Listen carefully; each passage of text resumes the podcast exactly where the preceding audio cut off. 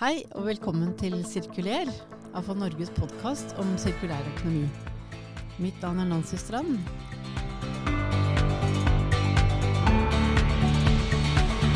Og temaet i dag er bærekraft. Og jeg har med meg en eh, fin gjest, Kim Gabrielli fra UN Global Compact Norge. Så velkommen til deg, Kim. Tusen takk for det. Du, Kan ikke du bare begynne med å bare si litt om hvem er eh, Kim Gabrielli?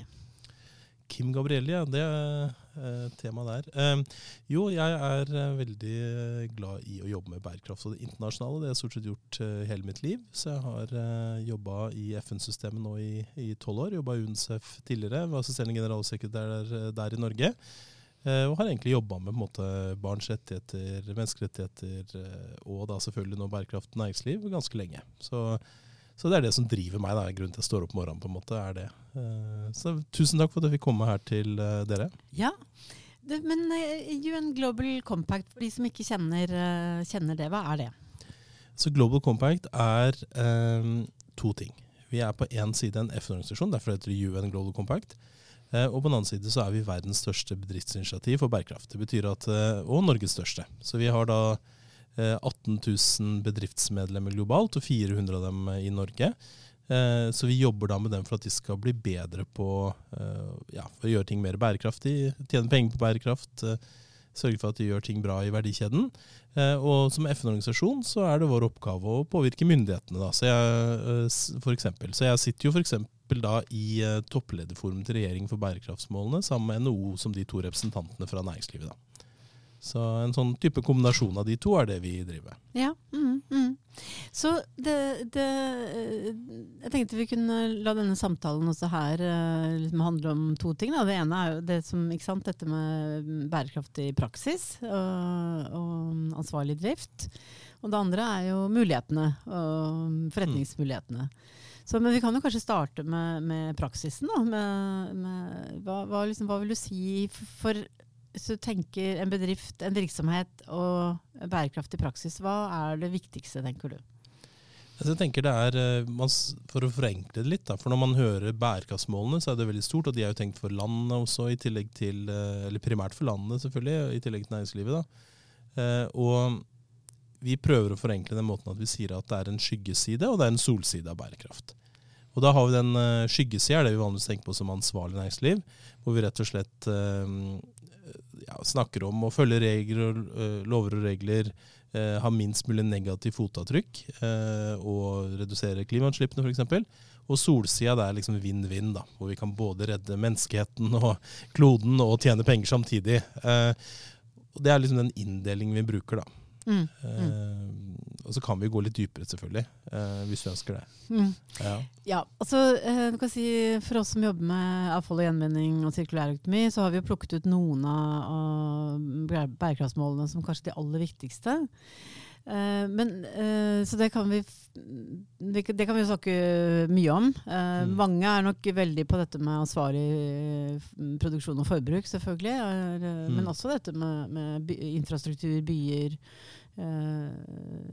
industri. Altså, så mm, det jeg lurer litt på, er jo hvor mange som Man tenker liksom de store bærekraftsmålene, som er jo som stort, det er land og det er Men det, det er også definert en rekke delmål. Uh, ja, det er jo litt krevende det her, ikke sant. Altså, hvor skal du begynne? Ja. uh, og da er det jo er noe som et uh, Begrepet vesentlighetsanalyse er, høres jo veldig sånn, hva skal jeg si, litt fjernt ut. Men det handler rett og slett for bedriften å se hvor er det jeg har et vesentlig fotavtrykk, hvor er res vesentlig innflytelse. Og Hvis vi tar da Norges vesentlige fotavtrykk, da, hvis du tenker hva Norge kunne gjort, så er det i hvert fall to ting som er helt åpenbare. Altså Det er jo eh, klimaproblemstillinger med utslippene fra fossil produksjon. Eh, og så er det det andre som du var innom, og det er jo der hvor vi scorer Altså vi ligger på andreplass i forbruk i Europa. Eh, altså det med bærekraftig produksjon og gjenbruk. da. Eh, og hvis vi ser på, Dette er interessant, for hvis vi ser på det store bildet, så gjør Norge det veldig bra på bærekraftsmålene ifølge FN. Hvis vi snur det på hodet og så spør vi eh, hvordan har Norges påvirkning, hvordan gjør Norge det når det gjelder påvirkning til andres lands evne til å nå bærekraftsmålene? så kommer vi jo på, på liksom topp bunn ti. Vi er en av de land som har mest negativ påvirkning på andre lands mulighet til å gjøre det. Eh, og det handler jo om forbruk og da energiproduksjon. da. Men eh, særlig dette med forbruk. Det er alle produktene vi bruker og kaster. Vi har en lite sirkulær økonomi. Eh, det er jo denne Gap-rapporten som kom, som er litt omdiskutert. men er, Da snakker man om at det er 2% av uh, norsk økonomi er sirkulær. Men la oss si at det bare hadde la oss si vært mye høyere. da, 10 så er det fortsatt 90% som ikke er sirkulært og ikke beveger seg i, rundt. Så, så, her er det veldig mye å si om hva norske næringslivet kan gjøre, og hva norske næringslivet gjør uh, på dette området. Uh, men er, ja, det er masse masse gode eksempler. Eh, du spurte om delmål. Det er jo flere, Noen av delmålene jo, går på prosess, noen går jo på resultater. Så Hvis det er matsvinn, f.eks., det er et godt eksempel på noe som er målbart, eh, fordi det står at man skal redusere med 50 eh, og da har jo kantina på NHO, der som jeg sitter, det er jo liksom en ikke så liten bedrift, for det er en del av Kompassgruppa, men det er jo den i seg selv er jo en liten bedrift. Den, den operasjonen. Og de har redusert da matsvinnet med 50% og eh, redusert utgiftene med 20 Når Dette er litt gamle tall, så jeg vet ikke akkurat hvordan det står til akkurat nå, men det var eh, tida vel før korona, så var det sånn. Mm. Um, så, så, det viser jo at en, hver enkelt bedrift kan gjøre grep, og noen ting er direkte kobla til delmålene i bærekraftsmålene, mens andre er kanskje mer at du må gjøre grep innenfor et innsatsområde, da, som vesentlighetsanalysen mm. peker på. Ja. Altså For mange innenfor avfalls, uh, ja, med avfallsvirksomhet, så er det jo transport som uh, ja, peker seg jo veldig mm. ut. Og det er klart, Energiproduksjon i Norge er jo et politisk spørsmål. så hvis vi ligger unna politikken, i denne omgang i, hvert fall, ja. så er det jo kanskje Jeg syns jo at vi har snakket mye om å kutte utslipp, og kutte på en måte direkte eh, klimautslipp, f.eks. Men vi har ikke snakket like mye om eh, liksom leverandørkjeder, innkjøp, mm. og dermed forbruk. Da. Eh, så, så den, den, påvirkningsmuligheten man har gjennom å tenke eh, bærekraft gjennom eh, leverandørkjeden, og, eh, har det mm, blitt et, et mer sånn anerkjent eh, klima- og bærekraftstiltak? Altså, jeg tenker at uh, dette er et klokt uh, spørsmål og en, en, klok problemstilling. For det, det, er her forskjellen kommer til å ligge. Uh, fordi at vi og Det gjelder jo også når det gjelder utslippene fra norsk produksjon, hvor det blir forbrukt og sånn. ikke sant? Altså Om norsk olje brukes på en bil i et annet land, skal da Equinor ha ansvar for det eller ikke, f.eks. Men når det gjelder verdikjeder, så er det i ferd med å endre bildet totalt. Og det er fordi at Før så, så vi gjerne på to grupper når vi snakka om eh, bedrifter på bærekraftsarbeidet. Vi så på de store bedriftene som gjerne var flinkere eh, enn de små. Og så var det de små som kanskje ikke hadde en bærekraftssjef, eh, eller aldri hadde hørt om bærekraft. Nå er jo de eh, gjensidig avhengige av hverandre i en eh, slags symbiose. Fra i år så har jo åpenhetsloven eh, liksom, trådt ut i kraft, trådt, ut, trådt i kraft. Det betyr at bedrifter med 50 ansatte må begynne å gjøre aktsomhetsvurderinger, altså risikovurderinger av underleverandørene sine. Eh, og selvfølgelig alle over det. Det er, cirka, det er mellom 8000 og 9000 bedrifter. Men det betyr også at de aller største, altså de 100 største i Norge f.eks., eh, de vil jo da måtte få data og informasjon også fra sine underleverandører igjen. Hvis vi tar eh, Hydro, 25 000 underleverandører. Aker Solution, 13 000. Eh, men 13, av de 13 000 så er det 20 av dem i Aker Solution som står for halvparten av, av omsetningen som, fra underleverandørene. Så Det betyr jo at her kan man jo da ta noe valg. ikke sant? Hvis eh, Aker Solution da stiller noen ekstra krav til de 20 viktigste underleverandørene, så vil det ha mye å si i, for deres påvirkning. Men det vil også ha mye å si for de 20 uh, eh, bedriftene, som kanskje er en stor leverandør da, til en stor del av deres omsetning går til Aker Solution. Mm. Så, eh, så her er det både nye lover og regler, som uh, åpenhetsloven er, men som også uh, de nye klimakravene som kommer osv., eh, krever at du passer på underleverandøren din og, og kanskje finansporteføljen din.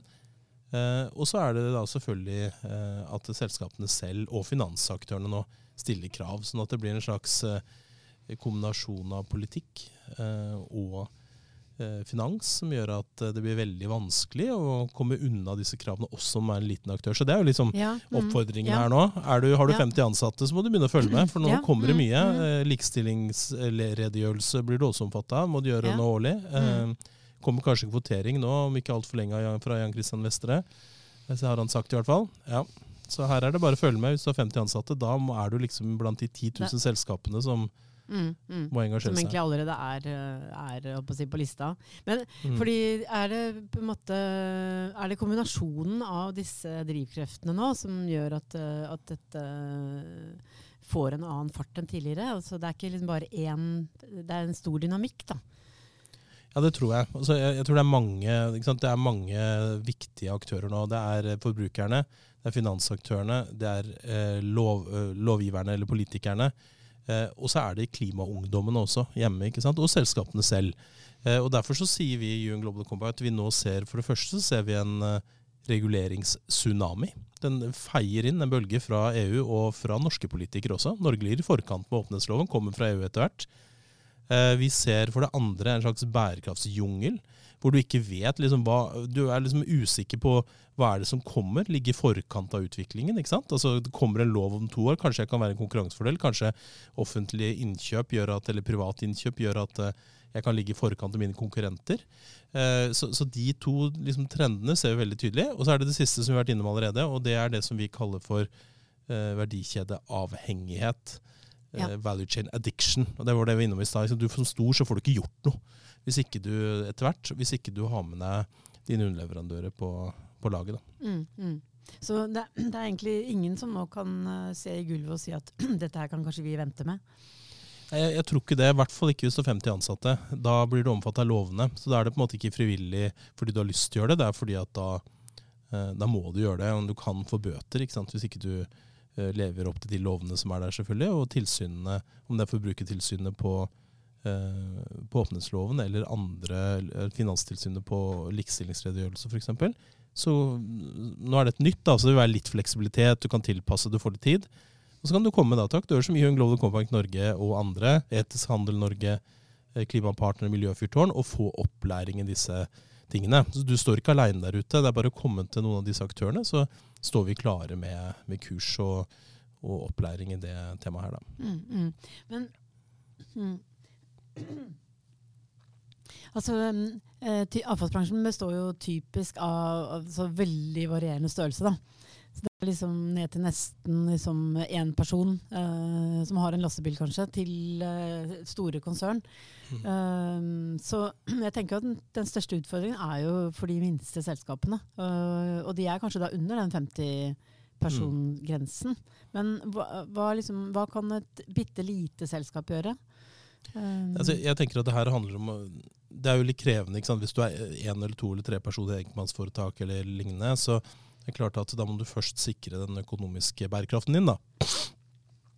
Eh, og noen ganger så, så, så henger jo det klart sammen med at du skal gjøre grep, men noen bedrifter er jo ganske bærekraftige i, i oppstarten i seg selv. Kanskje har gode systemer når de starter opp. Eh, men jeg tenker at her er det kunnskap er viktig, og det vi gjør nå, er at vi utvikler nå et eh, større nasjonalt eh, kompetanseprogram som kommer nå på vårparten. Det blir lansert sammen med noen andre store aktører i Norge. Eh, hvor det da er fra på en måte en veileder for bærekraft, hvor du rett og slett liksom, du har aldri hørt om bærekraft. Du kan liksom gå inn, og så kan du gå dypere og dypere. da, ikke sant? Kan du gå helt ned til aktiviteter som vi i dag har for Equinor, f.eks. Den ene aktiviteten har med åtte åtte um, deltakere fra Equinor som skal jobbe med da, innovasjonsprosesser på tvers av avdelingen og sånn. Det er jo liksom den veldig avanserte. Og så har du den liksom hvor skal jeg starte? Og Den bærekraftsveilederen den eksisterer allerede i dag. Den ligger hos Digital, Norway, som er en av våre partnere. Eh, og der kan man liksom, Hvis man aldri har hørt om bærekraft, kan man gå inn der, søk på bærekraftsveileder eller Bærekraftsguide, hva den heter akkurat, og Digital Norway, så, så kan man begynne der. Da kan man lese om det finnes noen vert, enkle verktøy for vesentlighetsanalyse. Vi driver og lager et sånt et nå, vi har fått støtte til det, for de aller minste bedriftene, som er da under 50. Så der, så der får man noen sånne linker og, og verktøy som man kan bruke da, hvis man er usikker hvor man skal starte. Mm, mm. Men eh, jeg har hørt deg snakke om dette med transition plans, som er et veldig, eh, veldig fint begrep, egentlig. Så, men eh, hva, hva, betyr det, eller hva er det? Altså, transition er liksom litt bedre begrep på engelsk enn omstilling på norsk. For på omstilling på norsk det høres ut som du skal eh, omorganisere, på en måte. Eh, det er, mm. men, men, det er jo det samme. Det er rett og slett at vi i Young Global Compact vi er jo opptatt av å ha med Eh, bedrifter som ligger i forkant, langt foran, men også betong- og oljeprodusenter f.eks., som jo har kjempekrevende eh, verdikjeder. Så det vi må gjøre, er at vi må rett og slett flytte hele næringslivet inn i det nye næringslivet. Eh, og da må vi liksom transition, da, eller omstille eh, bedriftene og, og, de ulike næringene, bransjene, da. Um, og da er det sånn at vi tenker at um, det nytter ikke bare å sette seg mål. Du må også lage noen milepæler på veien dit. Du må lage en handlingsplan rett og slett, for hvordan du kommer dit. Eh, og det som har skjedd nå, er at eh, her skjer det mye internasjonalt. Det er flere som jobber med den type ting. I Storbritannia har vært et regjeringsnedsatt, eller er et regjeringsnedsatt utvalg som ser på dette. Hva er kriteriene for en sånn handlingsplan? Og når skal du måle fra?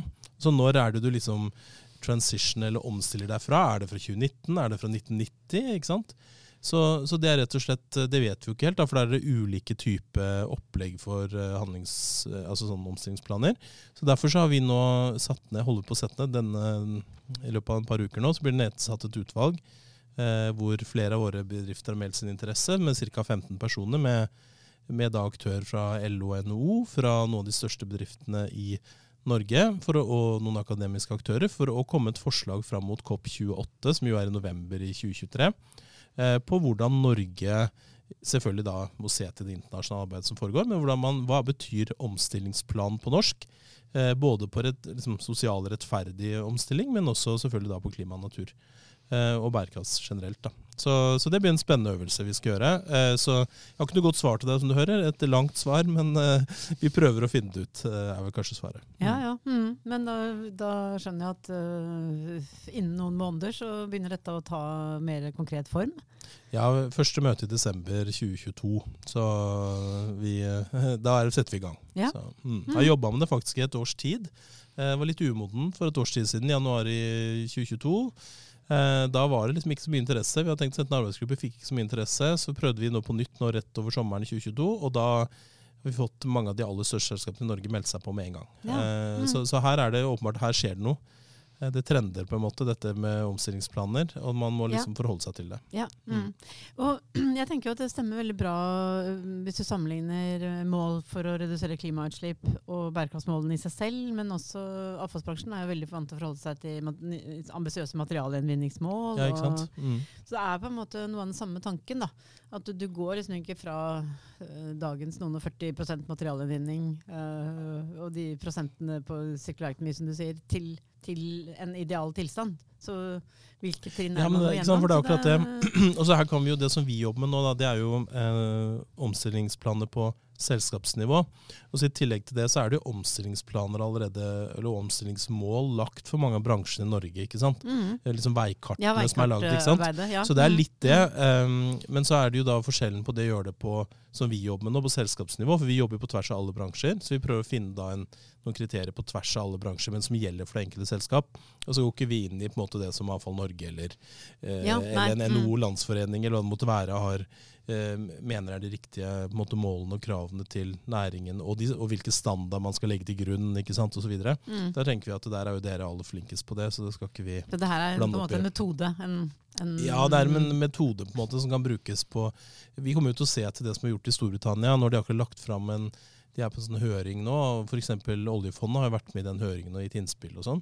Uh, så de også har også noe som heter Carbon Capture uh, Nei, Carbon Disclosure Project, CDP, de har også kommet med en som kriterier for hva en transition plan er for, på klimaområdet.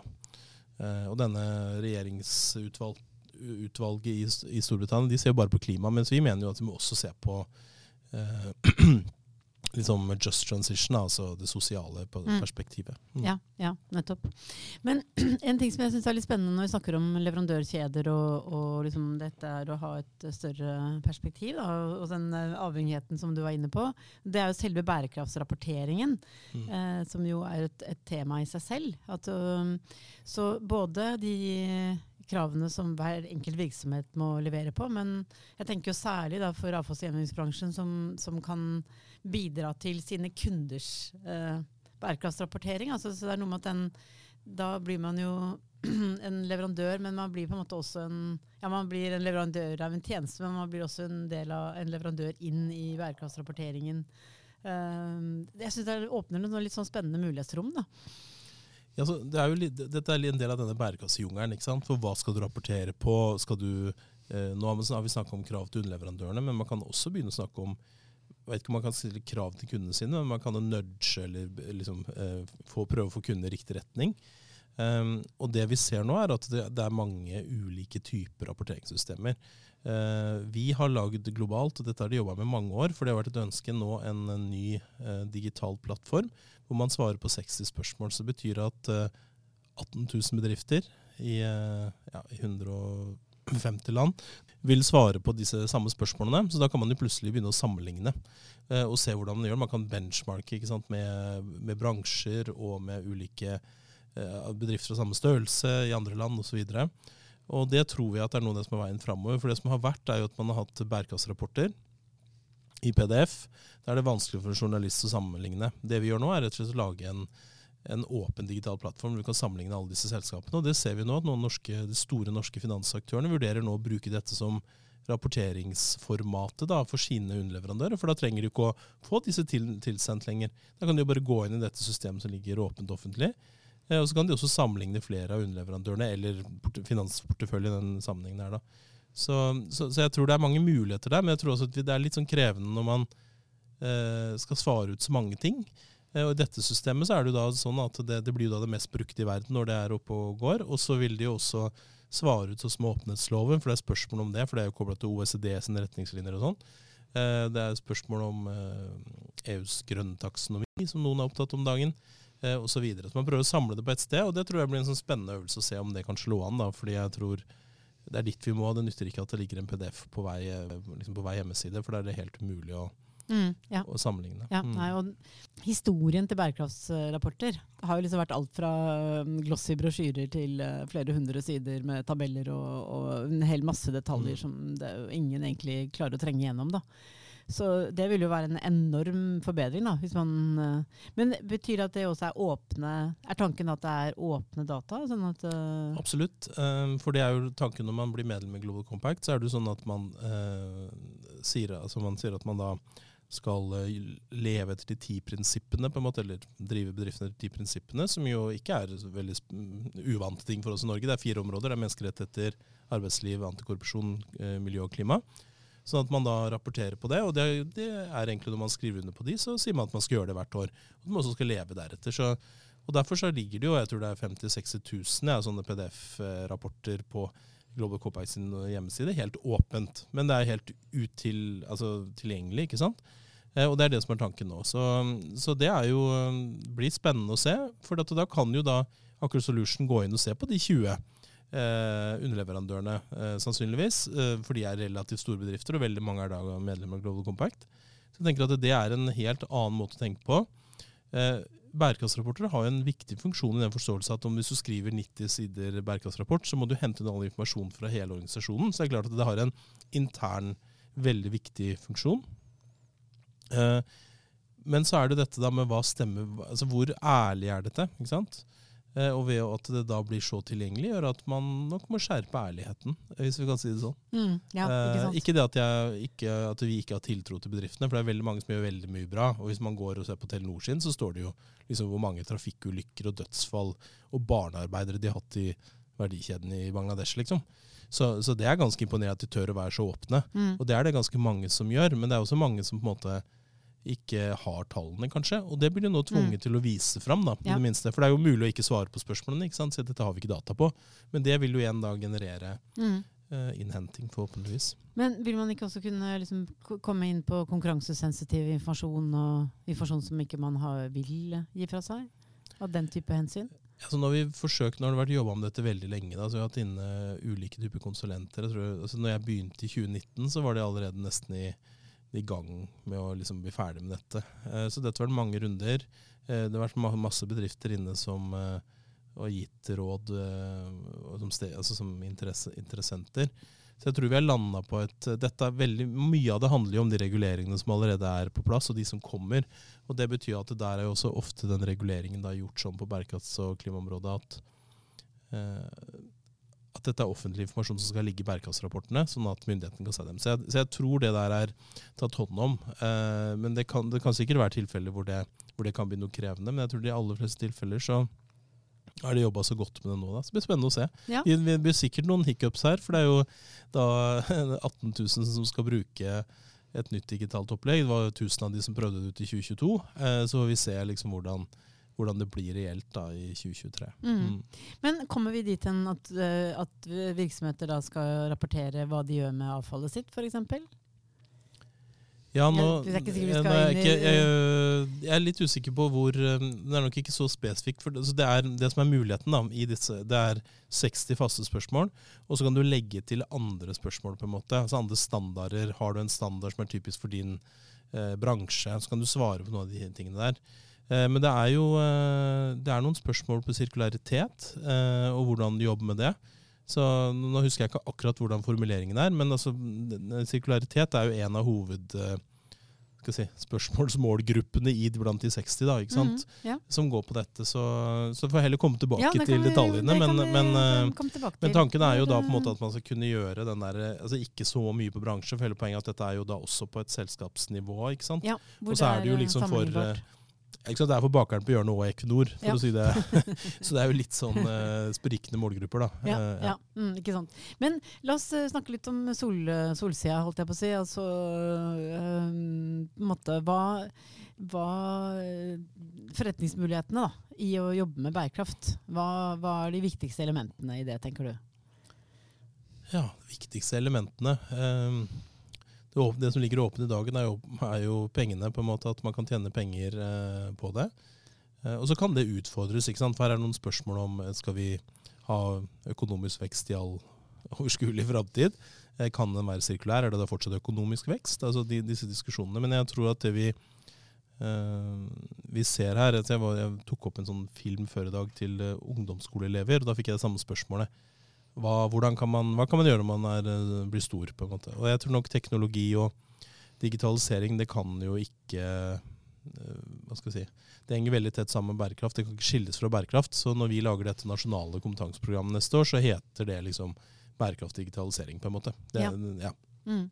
Så jeg tror nok at det er en av de tingene at vi kommer til å se en enorm utvikling innen nye teknologier og digitalisering som vil skape masse muligheter Mm. eh, og nye yrker. Så jeg tenker det er et, eh, et element, ikke sant. Og, det, eh, ja, altså, en ting som jeg syns er veldig, en, en, en, en, en veldig spennende diskusjon, da, det er jo alle startupsene og nettopp all den entreprenørånden. Mm. Eh, og veldig mange har jo fått, uh, fått øynene opp for hvor, hvor in utrolig interessant det er å jobbe med sirkulærøkonomi.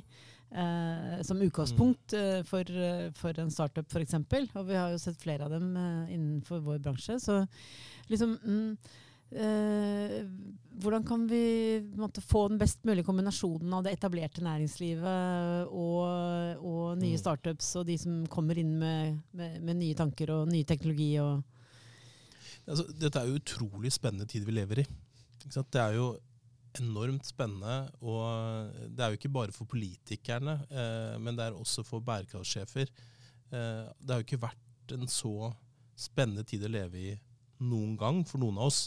For det første fordi man må ta avgjørelser, eh, krevende avgjørelser i en vanskelig tid pga. de krisene vi står oppe i, men også fordi at vi ser en ny, nyindustrialisering, eller hva vi skal kalle det, av landet vårt, hvor det kreves enorme nye teknologier osv. Jeg tenker at her er det så Det er jo utgangspunktet. Ikke sant? Det er alle disse løsningsselskapene som jeg hører du antyder. ikke sant? Altså Alle startupene, alle som har kommet med nye løsninger. Men så er det også alle de store som har endret seg enormt. Tenk på Equinor, tenk på det de skal gjennom nå. liksom.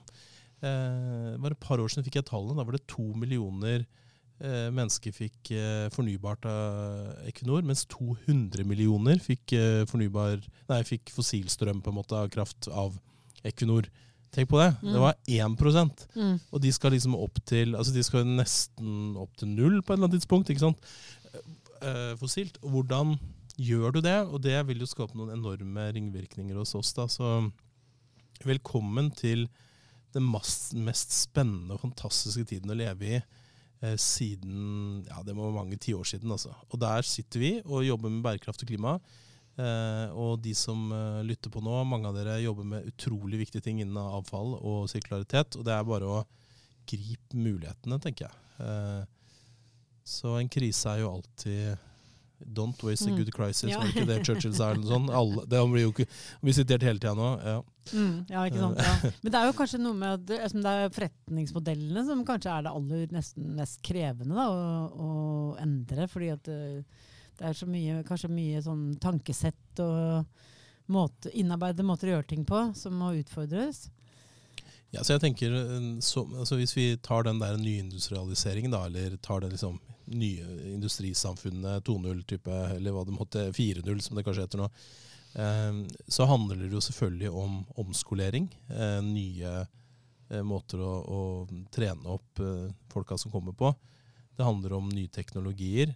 Det er klart å gjøre det. Og så handler det om business- eller forretningsmodellene. For det er klart at den måten vi har drevet forretningsmodeller på tidligere, og da kommer det sirkulære veldig fort opp, for dette gjelder jo ikke bare på avfall, det gjelder jo på energi, det gjelder på utrolig mange ting. Eh, så det er klart at de tre tingene der, eh, utdanning, eh, teknologi og, og modellene, hvordan vi drifter og hvordan vi leverer resultater og tjener penger, det, eh, det er litt, liksom litt alvorlig på en måte. Mm, for det, ja. det endrer oss så brutalt, og jeg synes et godt eksempel på det er jeg fikk spørsmål da, hvilke yrker er ikke her om 100 år, fikk jeg spørsmål om i sted. Og da, eh, Siden jeg visste det kom, så gikk jeg tilbake og kikka hvilke yrker har vi ikke her som var der for 100 år siden. Eh, Stumfilmskuespiller ikke var én. Eh, ganske kjent eksempel. Et annet som ikke er så kjent, er eh, bankeren, tror jeg det ble oversatt fra engelsk. Eh, det er også hun som da gikk rundt og banka på brakkene til arbeiderne fordi at de skulle stå opp morgenen. Det var ikke noe iPhone, eh, Ja, hvis noen mm. lurer på det. Heller ikke, de hadde Ikke råd til alarmklokke antageligvis, eller kanskje hadde drikket for mye på kvelden, så de kom seg ikke opp.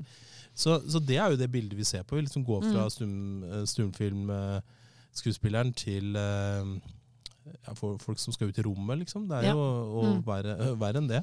Så det er jo veldig, eh, et veldig stort spenn da, som vi skal gjennom. Og vi antageligvis så er podkast ikke noe man driver med om 100 år. ikke sant? Eh, Nei, og det er jo litt synd, egentlig. eller, men- eller hvem vet? Altså, hvem Ja, vet? Det var jo, var jo radio for 100 år siden nå, sånn cirka. var det ikke det? Så. ikke sant? Ja, nemlig. Men jeg syns kanskje noe av det mest krevende er det at vi skal Altså, på samme måte som altså, handelen ikke lenger skal leve av å på en måte pushe bare jo mer produkter, jo bedre. Og så tenker jeg jo litt eh, Store deler av avfallsgjenvinningsbransjen er jo også volumbasert. Altså at eh, Ja. vi har, måte, inntjeningen har vært basert på liksom, tonn avfall. Da. Så jeg Mm. tenker at eh, det er, det er samme type utfordring. Fordi det, det er på en måte gode råd om ressurseffektivitet og hvordan du kan kaste mindre. Eh, det burde være like lett eller mulig å tjene penger på som det er i dag å hente og, og behandle avfallet. ikke sant? Eh, men hvordan kommer vi, apropos omstillingsplaner, da, hvordan kommer vi fra den ene forretningsmodellen til Ja, den det er jo interessant. Og så er det riktig at vi skal ha et eh, karbonfangst og -lagring på Klemetsrud på avfallsanlegget. liksom. Stimulerer det til at vi får eh, mer avfall inn? Eh, fjernvarme. Det, trenger vi avfallet for å brenne avfall for å få fjernvarme i borettslaga i Oslo? Eh, og Det er jo den forretningsmodelldiskusjonen. Hvordan legger vi om det i bransjen? Eh, og jeg tenker at Dette er veldig spennende og, og krevende. for at det her Sim, det er klar, og så kommer det en diskusjon om CO2-avgift oppi alt dette også, som dere jo helt sikkert har eh, på deres tallerken. Eh, så, så det er jo det som er eh, Hvordan klarer du da å Ja, det, tenk, mye penger koster ikke dette, dette karbonfangst- og la, altså, lagringsopplegget på Klemetsrud? Man brukt de pengene på en annen måte? Eh, om ti år kanskje man ser tilbake og tenker herregud, hvordan kunne du bruke så mye penger på det, når vi bare kunne gjort dette istedenfor? Uh, og det er veldig spennende, um, må jeg si. Og så er det vel noe, med at eh, avfallsbransjen har jo gått foran i Norge på mange måter. Men det er jo en liten bransje sammenligna med eh, hvordan det er i India. på en måte. Eh, så, det er noe av det store bildet her. da, Hvordan, eh, hvordan klarer vi å eh, utvikle eh, altså, Da jeg var i UNICEF, så snakka vi om at utviklingslandene utvikler verden. Og hva betydde det? Med det så mente vi at de f.eks. fant opp VIPS da, i, i Safaricom i Kenya. Og det var jo fordi at de brukte SMS-en til noe nytt. Fordi de, de, brukte eksisterende teknologi, og så brukte de det på en ny måte for å overføre penger. ikke sant? Eh, og det gjorde de jo bare fordi at de ikke hadde råd til å ha betalingsterminaler. Så det er noe med at hvis du har få ressurser, så kan det hende at det også skaper nye løsninger som kan da eksporteres til liksom den rike delen av verden. Så, så, jeg tenker det er noen spennende tanker rundt det på avfall. Sikkert masse som skjer i India og Algerie og andre steder. Mm. Uh, men, uh, så vi snakka om litt før vi begynte her. Uh, men, men, jeg tenker det er noe der. Liksom, vi må finne enda enklere løsninger, ikke bare mer komplekse. Og Det kan ja. jo være at mm. karbonfangst og -lagring noen ganger er en veldig kompleks løsning på et problem som kanskje det finnes enklere løsninger på, som vi vil se om noen år. da. Det spørs hvem som til slutt eksporterer løsninger til hvem. da. Om det er vi som eksporterer ja, løsninger til, uh, til uh, India eller, som eksempel, eller, eller, motsatt. Ja, for det blir jo spørsmålet. Da har eh, liksom, indiske byer råd til å betale for, for karbonfangst og -lagring på, på sine forbrenningsanlegg. Det er ikke sikkert. Det kan hende det blir veldig billig, da, ikke sant? og de kan produsere det i India selv. Men det kan jo være at de har noen løsninger som er mye billigere enn det vi har. og så vil jo sikkert noen si ja, det er jo bare å bruke mindre. Ja, det kan godt hende. Eh, men eh, det tar litt tid, som du sa. Vi kommer jo ikke i mål med mindre forbruk helt på det første. Hvordan går det egentlig med forbruk i Norge? Går det noe nedover, eller er det bare økende? Vet du det? Mm, det vi så i hvert fall eh, du kan si vi så Under pandemien så, så vi i hvert fall at det ble litt mindre avfall. Ja, det, det var jo pga. lavere aktivitet. Og så ja. flyttet det seg litt, også litt sånn fra næringsliv til husholdning fordi vi var mer hjemme. Ja. Så jeg er litt usikker på om forbruket går ned, men uh, det, det endrer seg litt. Men ja. et, nå når pandemien er uh, i hvert fall tilnærmet over, så, uh, så spørs det om disse kurvene begynner å stige igjen. Det er jo den største utfordringen vi har. Det er jo mm. dette målet om å skille økonomisk vekst fra økning i avfallsmengder, som f.eks. Mm. Um, så det, det, det, som går på ressurseffektivitet, og, og altså at vi skal produsere mer med mindre, den type, den type teknologiske og for så vidt systemmessige mm. utfordringer, det er nok også noe av det vi skal jobbe mye med framover. da. Ja, for dette er jo helt parallelt til klimautslippene? Liksom. Absolutt. Mm, absolutt. Ja. Mm, ja. Mm. Så nå har vi inne mange ting som vi kunne ha snakket om, og som helt sikkert noen av de som hører på, kommer til å Å, dette skulle vi ha diskutert litt mer. Men eh, nå nærmer vi oss avslutningen. Men eh, sånn, eh, hva, hva, tenker du om eh, framtida, liksom? Hva, hva, vi skal jo nå disse bærekraftsmålene innen 2030. Det er jo eh, ikke veldig lenge til. Nei, det er ikke mer enn et par, det er ikke, det ikke et par storting engang, nesten. Så det, jo, det går fort. Et par valgrunder der, så er vi i mål. Eh, jeg tror at vi kommer til å oppnå veldig mye innen 2030. Eh, jeg tror at det er mange muligheter for at vi nå at det er en god del teknologier som kommer til å sette skikkelig fart på slutten av 20-tallet. Så jeg, jeg er eh, håpfull. Og så tenker jeg at det som er viktig for oss utover 2030, at vi har en slags, hva skal vi si, en slags trassig håp. Hvor vi, hvor, vi, tror at vi gir oss søren meg ikke på at vi kan gjøre den verden bedre når det kommer motkrefter. Om det da er uh, krig og konflikt, som jo ikke bare er Ukraina, men så er mange steder i verden og sammenlignet for noen år siden. Uh, så jeg tror liksom den der troen på at dette skal vi søren meg få til, det, det, tror jeg er viktig. Så, så, jeg er jo håpfull for det. Og så tenker jeg at vi nå må vi snart begynne å diskutere hva som skal skje etter, um, etter 2030. da. Uh, våre ti prinsipper de fortsetter utover 2030, og vi skal fortsette å jobbe med det. men vi trenger jo at, det også, at vi får noen målbare mål da, for landene, sånn som vi har hatt i 2030. Og det er jo det er mye håp i det. At man klarer å bli enige om klimaavtaler, at man kanskje nå blir enige om en naturavtale i Montreal nå, eh, rundt den tida her. Eh, og at man faktisk da klarer å få til noen nye mål etter 2030. Det, det gjør at jeg veldig sånn, har troa på dette. Altså. Mm, eh, ja. Vi må ikke gi oss. Ja. Dette går. Mm, ja. Da tror jeg det skal bli siste ord i dag. Så tusen takk for at uh, du kom til AFA Norges podkast. Uh. Tusen hjertelig takk for at jeg fikk komme. Dette var jo som alltid veldig spennende. Mm. Tusen takk.